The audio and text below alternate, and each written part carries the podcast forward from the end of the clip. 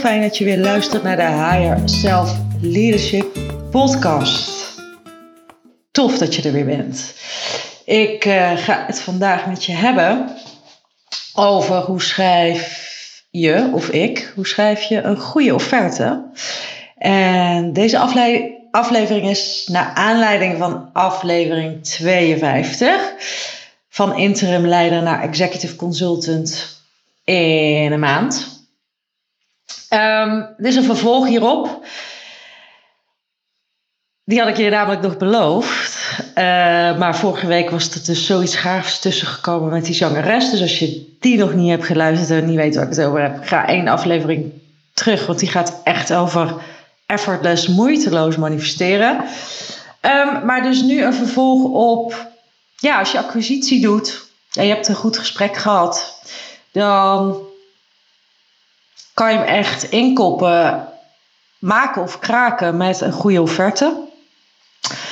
Dus daar gaan we het vandaag over hebben. Weet je waarom? Omdat ik gewoon weet dat uh, dat hele waardevolle informatie uh, is. Omdat ik op dit moment met twee klanten werk die heel veel aan de informatie hadden die ik nu exclusief met jou ga delen. Um, en als mijn klanten ergens mee zitten en ik help mijn klanten ermee, dan weet ik dus ook dat ik jou ermee kan helpen. Dus doe er je voordeel mee. Um, want waarom schrijven we nog een offerte? Er zijn mensen die zeggen dat je geen offertes hoeft te schrijven. Nou, daar ben ik het deels mee eens. In sommige gevallen hoeft dat niet. Maar ik vind het zelf, als jij echt een grote klus aanneemt, um, dat gaat dan waarschijnlijk naar beslissers die met meerdere mensen moeten beslissen. Niet alleen, die moeten even overleggen. En dan is het gewoon fijn om even iets vast te kunnen pakken. Um, en soms blijft ook alles wat je gezegd hebt in een gesprek over een eventuele aanpak ook niet echt helemaal hangen we hebben het over grote verandertrajecten? Dit, soort, dit soort offertes, is gewoon ook wel netjes, vind ik, om iets op papier te zetten.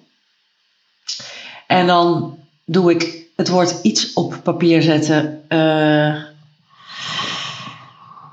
gebruik ik niet helemaal de juiste woorden, want het is denk ik belangrijk dat je masterpiece afgeeft. Dat je al in het begin, in je acquisitiefase, dat je laat zien dat je kunt presteren boven verwachting. Nou, eerst even een kleine anekdote. Ik kwam uh, van de universiteit af. Ik kreeg mijn eerste baan. Bij Spinner was mijn eerste baan. Dat was een adviesbureau um, op het gebied van strategische organisatieverandering. En ik ging daar in de leer bij Pijn. Het was een klein bureau en ik ging uh, daar in de, in de leer als junior consultant. En ik ben tot de dag van vandaag zo dankbaar dat dit mijn eerste baan was. Want ik mocht daar gewoon betaald leren. Zo zie ik het eigenlijk als ik het terugkrijg. Als ik het terugkijk. Pepijn leerde mij dat Pepijn was een hele intelligente jongen. Die had bij hele grote, volgens mij was PwC, maar in ieder geval of Atos, of in ieder geval een heel groot, heel groot consultancybureau. Die had het daar helemaal gemaakt als senior consultant. En die was voor zichzelf begonnen. En dat ging dan zo goed, zijn bureau, dat hij mensen nodig had. En zodoende had hij um, twee junior consultants ingehuurd. Ik en, en nog een uh, dame. Wij waren dus met z'n tweeën. Met tweeën. Oh, mijn honden gaan misschien helemaal los op de achtergrond. Maar goed, ik uh, praat lekker door. Ik hoop dat je er geen last van hebt. Um, dus ik, we waren met z'n drieën. Hij had hele grote projecten, grote veranderprojecten, grote, ja, hele grote veranderprojecten. Daar moest projectmanagement voor gedaan worden ook. En naast dat de grote verandertrajecten liep, uh, hadden we af en toe korte strategische adviesklussen. Dat waren dan van die workshops van een dag. En um, wat Pepijn altijd tegen mij heeft gezegd is: Floor, je moet een dijk van een voorstel schrijven. Want dan ga je mee winnen ten opzichte van concurrenten. Daarmee kan je het verschil maken. En ik kwam dus van de universiteit en ik had net een onderzoek gedaan naar verschillende organisatieculturen in, uh, bij Center Parks. dat was trouwens best wel ook een, uh, was wel wetenschappelijk onderzoek, maar dat was ook best wel praktijkgericht. Dus wat waren de organisatieculturen? En dan moet je zo'n verslag schrijven hè, op zo'n universiteit. En dat is heel erg passief geschreven. Dus dan schrijf je met er wordt onderzocht dat, in plaats van ik houd een enquête onder vijf mensen. Snap je? Dus echt het verschil tussen actief en passief schrijven. En vanuit de eerste, tweede persoon of vanuit de derde persoon het er wordt, weet je wel, dat soort. En dat wordt natuurlijk super vaak. Dus ik was gedrild op de universiteit om heel erg passief en vanuit de derde persoon te schrijven. Maar toen kwam ik bij, bij Pijn. Toen zei nee, nee, dat gaan we niet doen. We gaan heel erg actief schrijven. En uh, jij moet gaan leren om een goed verhaal te schrijven als jij een acquisitiegesprek hebt gehad. En die man, dus ik, ja, ik, echt, ik ben hem nog steeds dankbaar. We, hebben nog steeds, we zien elkaar niet vaak meer, maar het contact is altijd goed en dat blijft goed. Maar hij liet mij gewoon spelen. Hij liet mij gewoon mijn eigen offerte schrijven. En dan mocht ik dus mee naar een acquisitiegesprek. En dan zei hij, nou doe maar voorstel. En dan had ik dus iets, uh, dan mocht ik een hele middag op een voorstel zitten schrijven. En dan lees, liet ik het hem lezen. Nou, dan kreeg ik het terug serieus de eerste paar maanden. Met alleen maar strepen. Alleen maar strepen, overal alleen maar strepen. Dus, en toen kreeg ik ook weer de tijd om al die strepen te corrigeren. En weer terug. En feedback en terug. En, dus ik heb daar de eerste drie jaar van mijn carrière heb ik geleerd hoe belangrijk het is om goede voorstellen te schrijven. Nou, de opzet daarvan ga ik straks delen, dus blijf luisteren.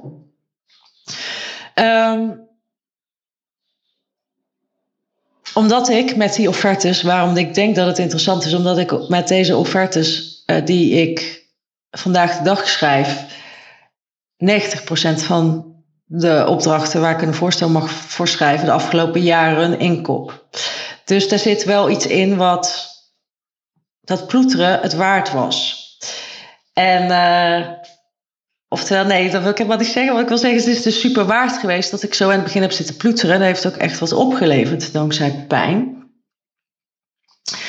Um, maar voordat je, je wil natuurlijk al, dat is ook een, ook een attitude, hè? je wil pas een voorstel gaan schrijven op het moment dat je echt het gevoel hebt dat het eerste gesprek wat je hebt gevoerd, of misschien wel het tweede gesprek wat je hebt gevoerd, dat je echt zelf intern voelt ik maak hier echt een goede kans op deze opdracht. Um, terwijl ik het zeg, realiseer ik me dat dat is wat ik alleen nog maar nu doe. Dus als ik nu voel, hier zit een opdracht serieus in en ik moet nog wat op papier schrijven, dat doe ik alleen als ik weet dat ik hem al voor 80% heb. Dat deed ik vroeger niet, dat doe ik nu wel. Sterker nog, ik vraag nu in dit moment ook aan de klant als die dat vraagt aan mij om een voorstel te schrijven, dan zeg ik oké, dan dat wil ik doen, maar dan ben ik voor jou wel even bereid om te horen of jij serieus overweegt om met mij in zee te gaan. Um, als je echt een goed gevoel naar dit gesprek hebt, want als je nu al twijfelt, snap je, dan ga ik ook mijn tijd en energie daar niet in, steken. Dus ik wil dat met alle liefde doen, maar ik wil wel van dat je echt. Uh, ik hoef nog geen, nu nog geen ja of nee te zeggen, helemaal niet. Maar ik wil, wel dat je wel een intentie voelt om met mij samen te werken. Dat creëert ook al een bepaalde gelijkwaardigheid. Want het kost namelijk tijd. Eh, kost tijd om een goed verhaal op papier te schrijven. En ik ga dat inmiddels niet meer doen. Als ik niet het gevoel heb dat, er, dat het na een jaar neigt. Maar ik heb natuurlijk nog wel een leuke anekdote.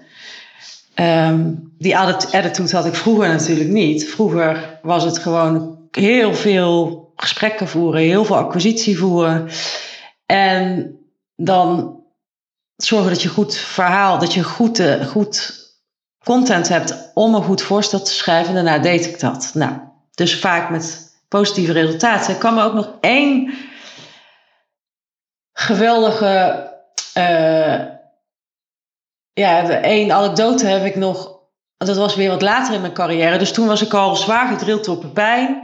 Toen had ik al, daarna had ik nog een andere baan gehad als HR. uh, consultant. En daarna ging ik bij een trainingsbureau werken. Dan moest ik natuurlijk ook gewoon knetterveel acquisitie doen. En dan had ik omzet targets. En, en ik kan me nog herinneren dat ik... Uh, dan kwam je best wel bij de grote bedrijven. Hè? En bij de grote overheidsbedrijven. En bij de grote jongens. Dus wat die altijd deden, de grote jongens, die nodigden dan drie partijen uit van drie gerenommeerde bureaus. Dus dan zat ik altijd met, nou noem ze eventjes, Schouten Nelis, uh, Boutine en Partus destijds, weet je wel. Uh, zat ik altijd met die grote, grote bureaus aan tafel, want dat waren dan preferred suppliers. En ik weet nog één keer bij een semi-overheidsinstelling, ik zal even de naam niet noemen, maar dat we daar kwamen en dan zat ik daar met dus twee con-collega's en uh, die hadden het grootste woord.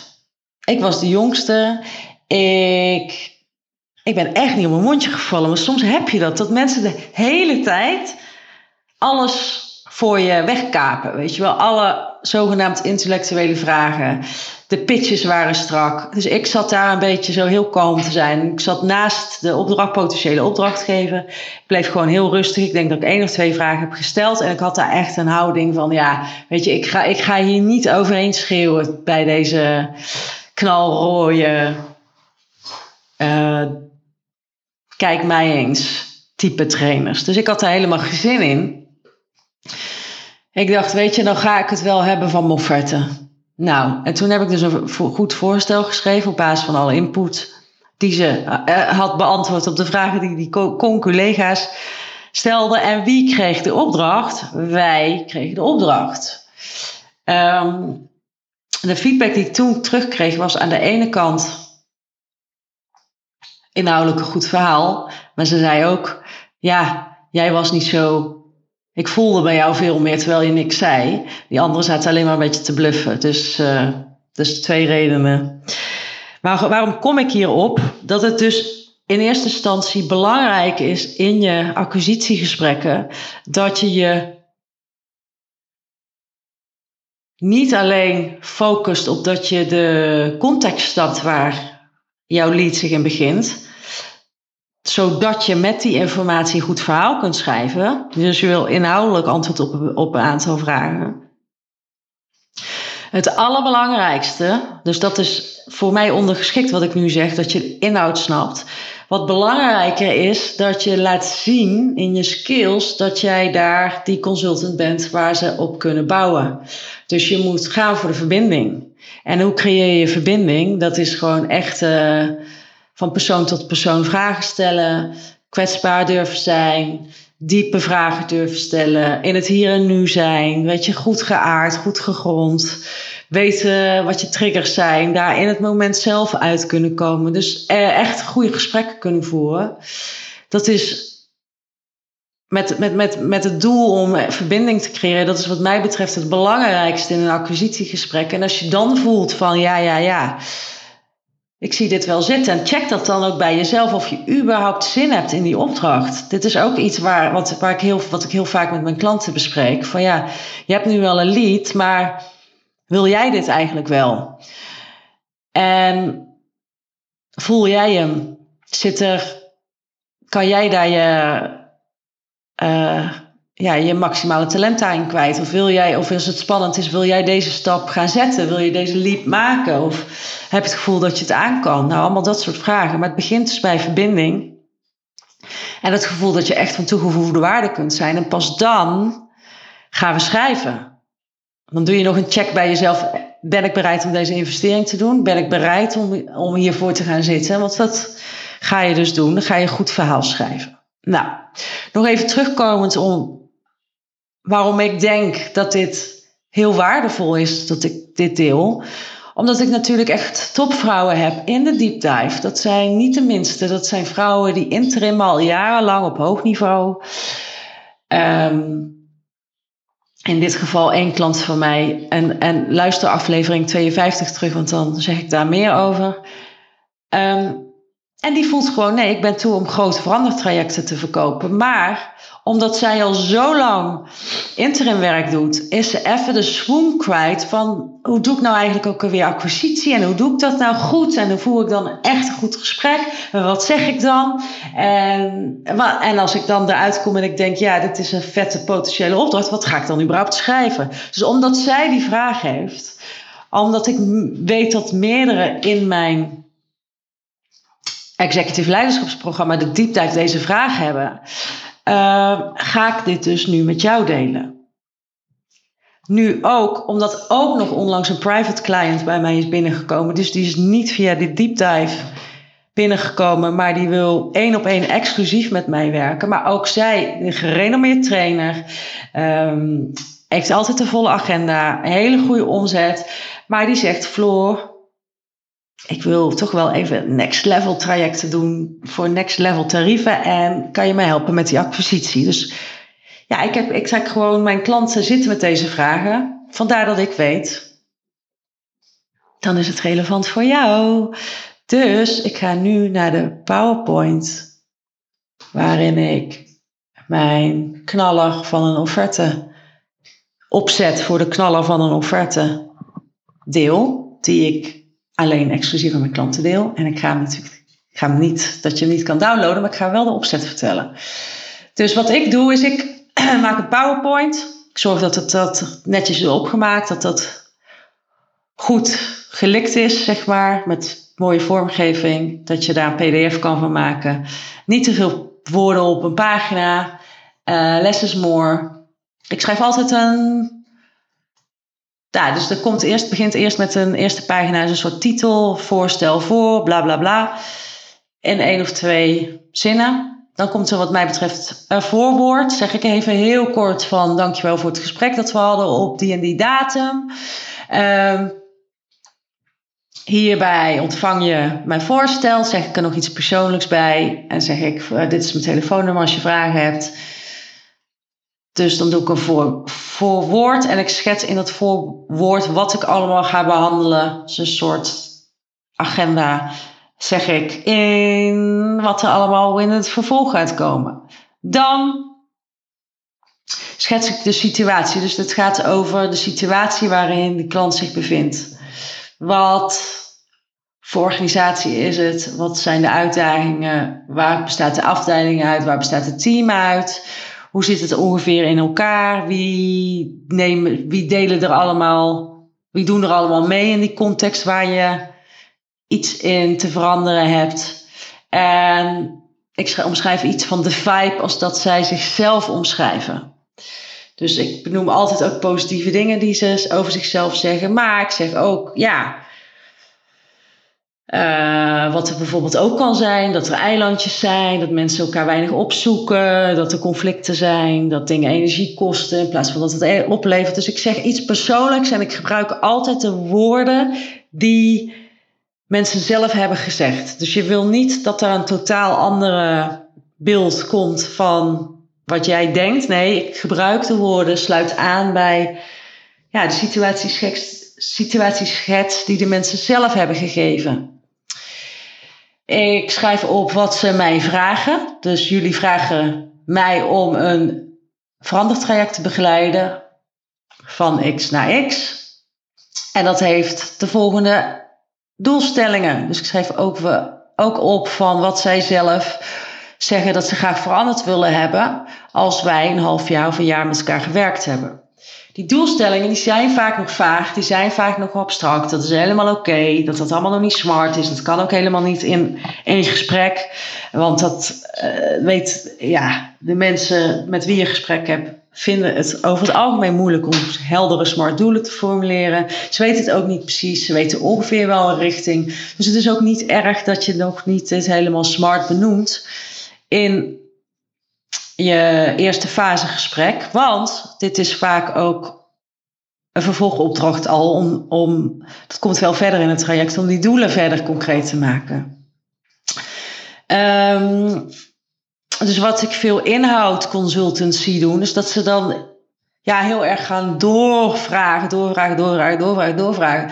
En dan kan het in zo'n gesprek al vaak een kruisvoer worden, waardoor die jouw potentiële klant zich helemaal niet meer gehoord en begrepen voelt.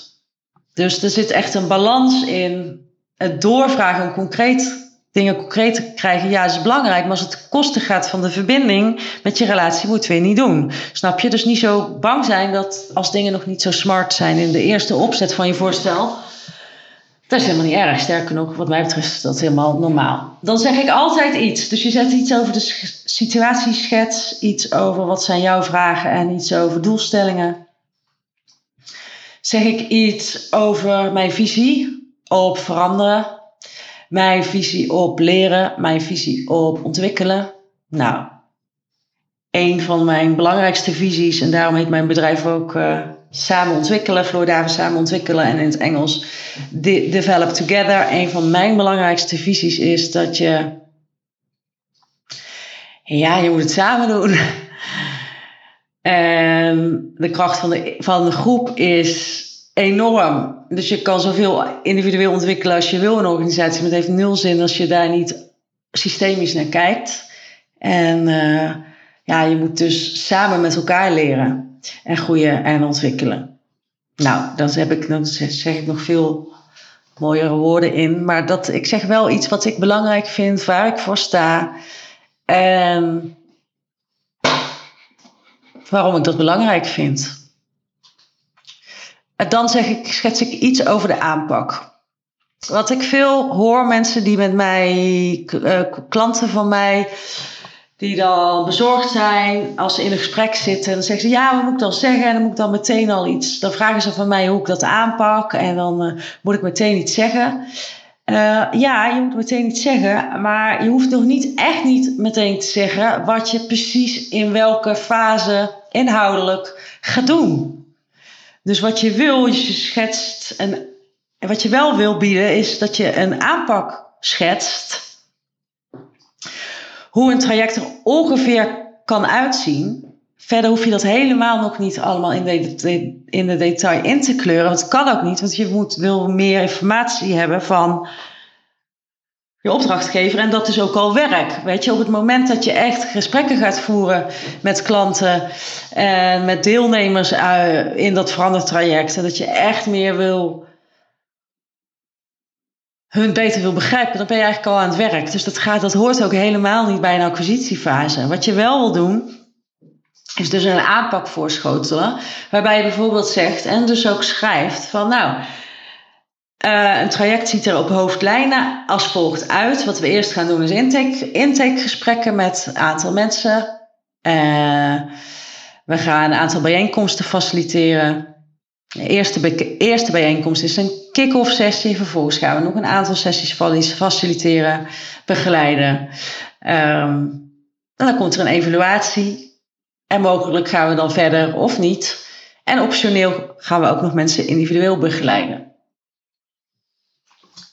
Dit is een aanpak op hoofdlijnen. Dan ga je ook weer die aanpak op hoofdlijnen inkleuren. En ik zeg dus altijd van mijn trajecten zijn nooit hetzelfde. Uh, ik geloof niet in one size fits all, maar in maatwerk. Dus ja, ik benadruk het belang van het samen developen, samen ontwerken, kracht van de groep, van het systeemdenken. Um, dus ik schets de aanpak op hoofdlijnen. Dan ga ik hem een beetje inkleuren. Dus dan vertel ik iets over hoe die intakegesprekken eruit zien. Met wie ik dat dan denk dat het beste is en waarom. Um, vervolgens komt er een kick-off sessie. Kick-off sessie kan in twee uur, kan in een dagdeel, kan in twee dagen. Maar ik zeg altijd zo, die kick-off sessie is enorm belangrijk, want daarin laat je echt zien wat je kan als begeleider, als leider.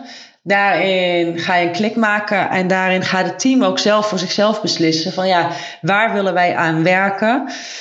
Dus daarmee ga je die doelen concretiseren en dan gaan we ook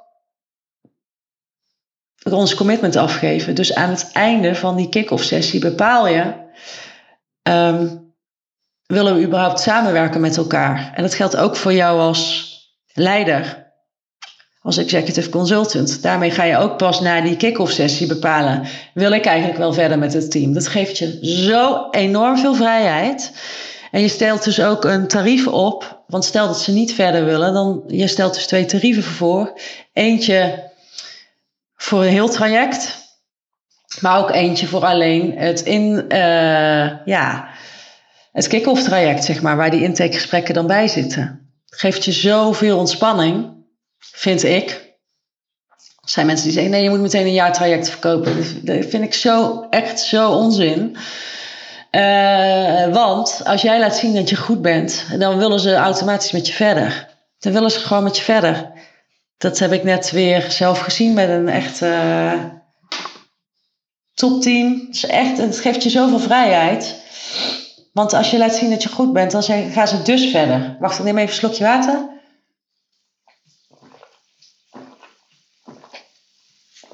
Ik zit zo lekker te kletsen dat ik een droge mond van krijg.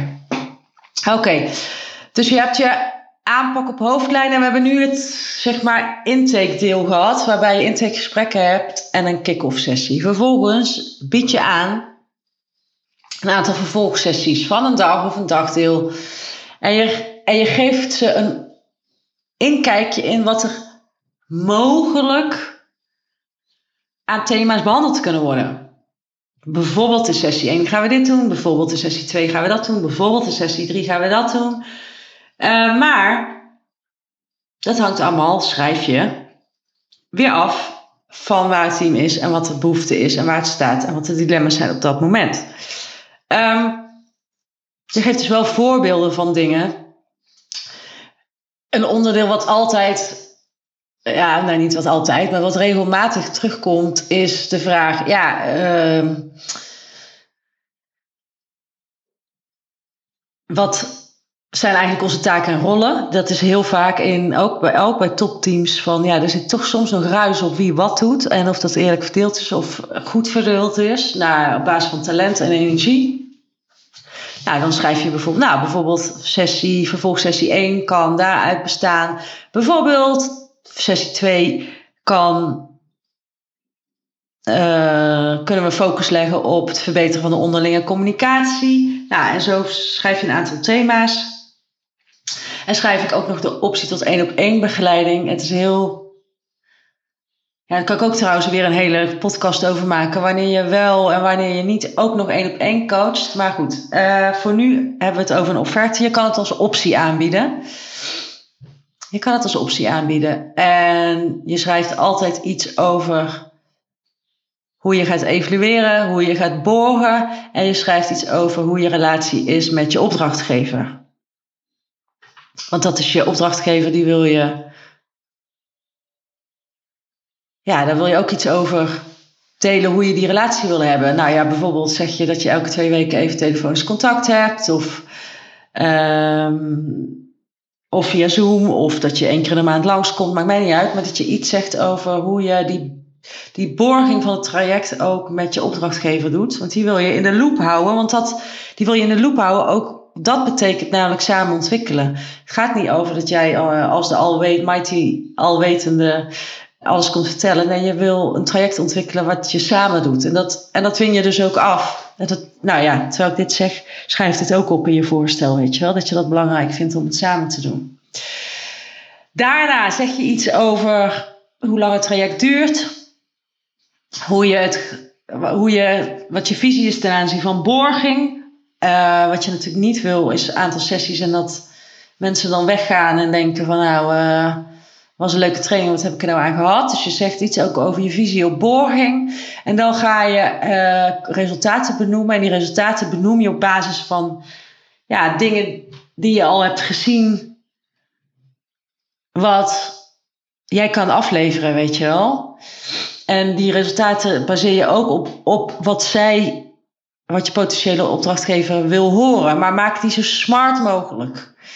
Dus Um, ik noem, zal gewoon heel even wat voorbeelden noemen die ik dan zelf opschrijf. Kijk, doelen zijn, bijvoorbeeld doelen zijn door het team zelf geformuleerd en zeker gehaald. Um, er is minder verloop. Er is minder angst. En dat kunnen we meten door een zelfontwikkelde thermometer. Um, andere teams of, of de managementlaag onder jullie praat positief over jullie. Nou, dat soort, je wil concrete, tastbare, zichtbare resultaten benoemen. En dan komt het bij de kosten. En noem dat nooit kosten, maar het is altijd een investering.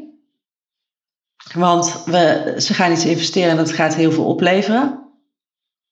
En dit is dan meteen de uitdaging voor, hè, voor de mensen die interim werken, om ineens niet meer te denken in uh, uurtje factuurtje, maar in een heel eindtraject. Dus ja, wat ik dan bijvoorbeeld, ik heb het laatst voor echt voor een, voor een groot traject uh, ongeveer 80.000 euro geoffreerd. Dat was ook nog het kick-off deel, was nog apart van de, van de, van de vervolgfase. Dus wat je dan aanbiedt, en dit is meteen een samenvatting eigenlijk wat ik nu op heb geschreven, is dat je, ja, wat er allemaal in zit, is een intakefase met een kick-off traject. Vervolgens komen er sessies. Die sessies worden voorbereid. Dat zijn steeds op maat gemaakte programma's. Afstemming met de opdrachtgever zit erbij. Evaluatie en de borging. Reiskosten, materiaalkosten. Ik, ik, ik gooi altijd alles op een hoop. En dan noem je gewoon één bedrag.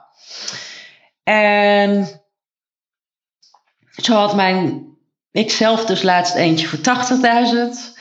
Mijn klant Inge had er eentje voor 50.000. Mijn andere klant Um, M noem ik er, die heeft voor 20.000 een traject geoffreerd.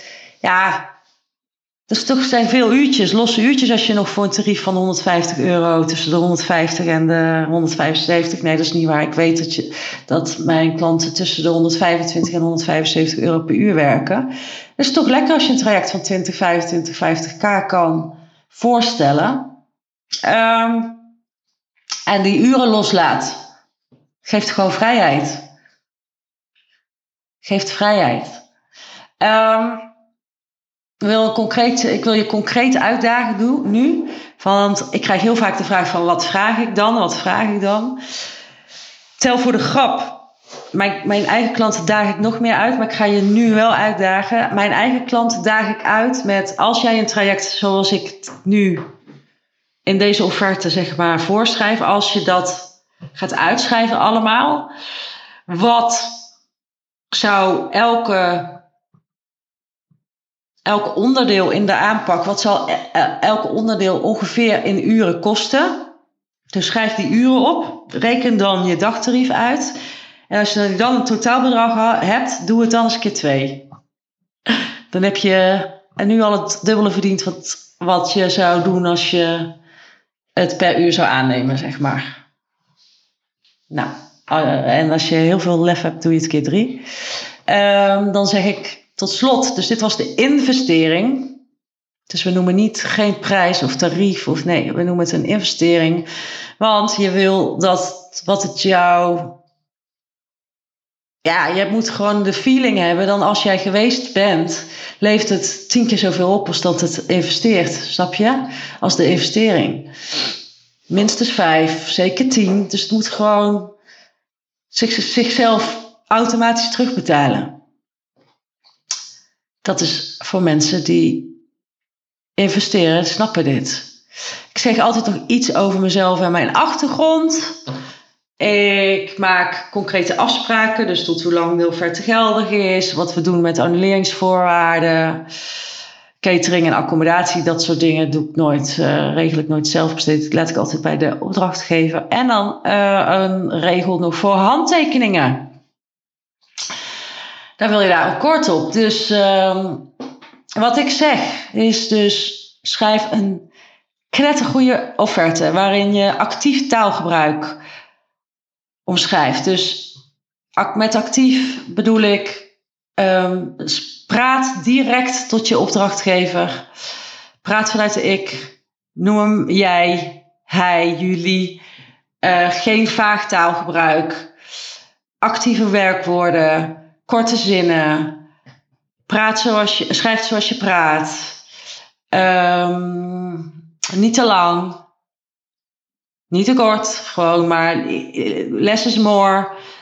Duidelijk overzicht. Duidelijke bullets. Duidelijke mooie opmaak. En um, met één aanpak op hoofdlijnen met een tarief. Dat is hoe ik het doe. Dat is hoe ik uh, inmiddels heel veel geld heb verdiend. Um, ik heel veel vertrouwen heb in acquisitiegesprekken en het schrijven van voorstellen. Omdat ik weet dat als ik het op deze manier doe, dat ik 9 van de 10 keer raak schiet. Um, en inmiddels ben ik ook wel zo vrij geworden. Dat, vrij geworden. Ja, het is ook wel terecht om jezelf af te vragen, denk ik. Moet ik eigenlijk wel een offerte schrijven? Ik heb laatst ook heb ik alles wat ik nu zeg, heb ik nog in een verkorte versie gedaan. Heb ik een mailtje over gemaakt. Van even, heb ik gewoon gezegd: dit zijn de afspraken. Dus dan maak ik er een iets langer voorstel van. Doe ik wel even kort kort en krachtig, maar ik vraag wel altijd een akkoord. Ik stel altijd, schrijf altijd iets van een voorstel. Ik schrijf altijd, en ik vraag altijd een akkoord daarop. Uh, maar ik ben ook zelf aan het spelen met hoe lang moet iets zijn. En... Maar goed, als je een voorstel mag doen voor een gerenommeerde organisatie of bijvoorbeeld een uh, universiteit. Of, en die moeten nog even overleggen met een aantal mensen. Is het gewoon netjes om een uh, mooi, mooi voorstel te schrijven. Dus dan, dat, dan zou ik het ook zeker wel doen. Um, en al is het maar ook voor jezelf om te oefenen. Dat zeg ik ook tegen mijn klanten. Van ja, of je nou wel of niet die opdracht hebt. Het is uh, uit acquisitiefase, dus van het gesprek tot en met. Ja, van eerste belletje, van eerste mailtje, van, tot en met een handtekening. Dat is een, echt een aparte fase. En daar valt zoveel in te groeien en te leren en te ontwikkelen. Van gesprekken voeren, acquisitiegesprekken, salesgesprekken, tot aan tot aan het schrijven van goede voorstellen. Dat is een vak apart. Dus zeg ik altijd tegen mijn klanten van ga daar lekker mee uh, oefenen. Zie gewoon elk gesprek als een kans om, om jezelf daarop die skills te verbeteren. Want je kan niet verwachten dat je hele grote verandertrajecten binnen gaat slepen als jij niet aan de voorkant uh, grote opdrachten binnen kunt halen. Dat is een skill. Nou, ik hoop dat je heel veel aan deze informatie allemaal hebt. Laat me weten wat je eraan hebt. Dat vind ik heel leuk om te horen op post.floordaver.nl. Uh, als je het hele waardevolle content vindt, geef me dan vijf sterren in je podcast app. Ik zag dat ik op Apple nog heel weinig sterren had. Dus als je nog zin hebt, heb je het op Spotify al gedaan. Dan wil je het op Apple nog een keer doen. Kom maar op. I love the five stars. Thank you very much.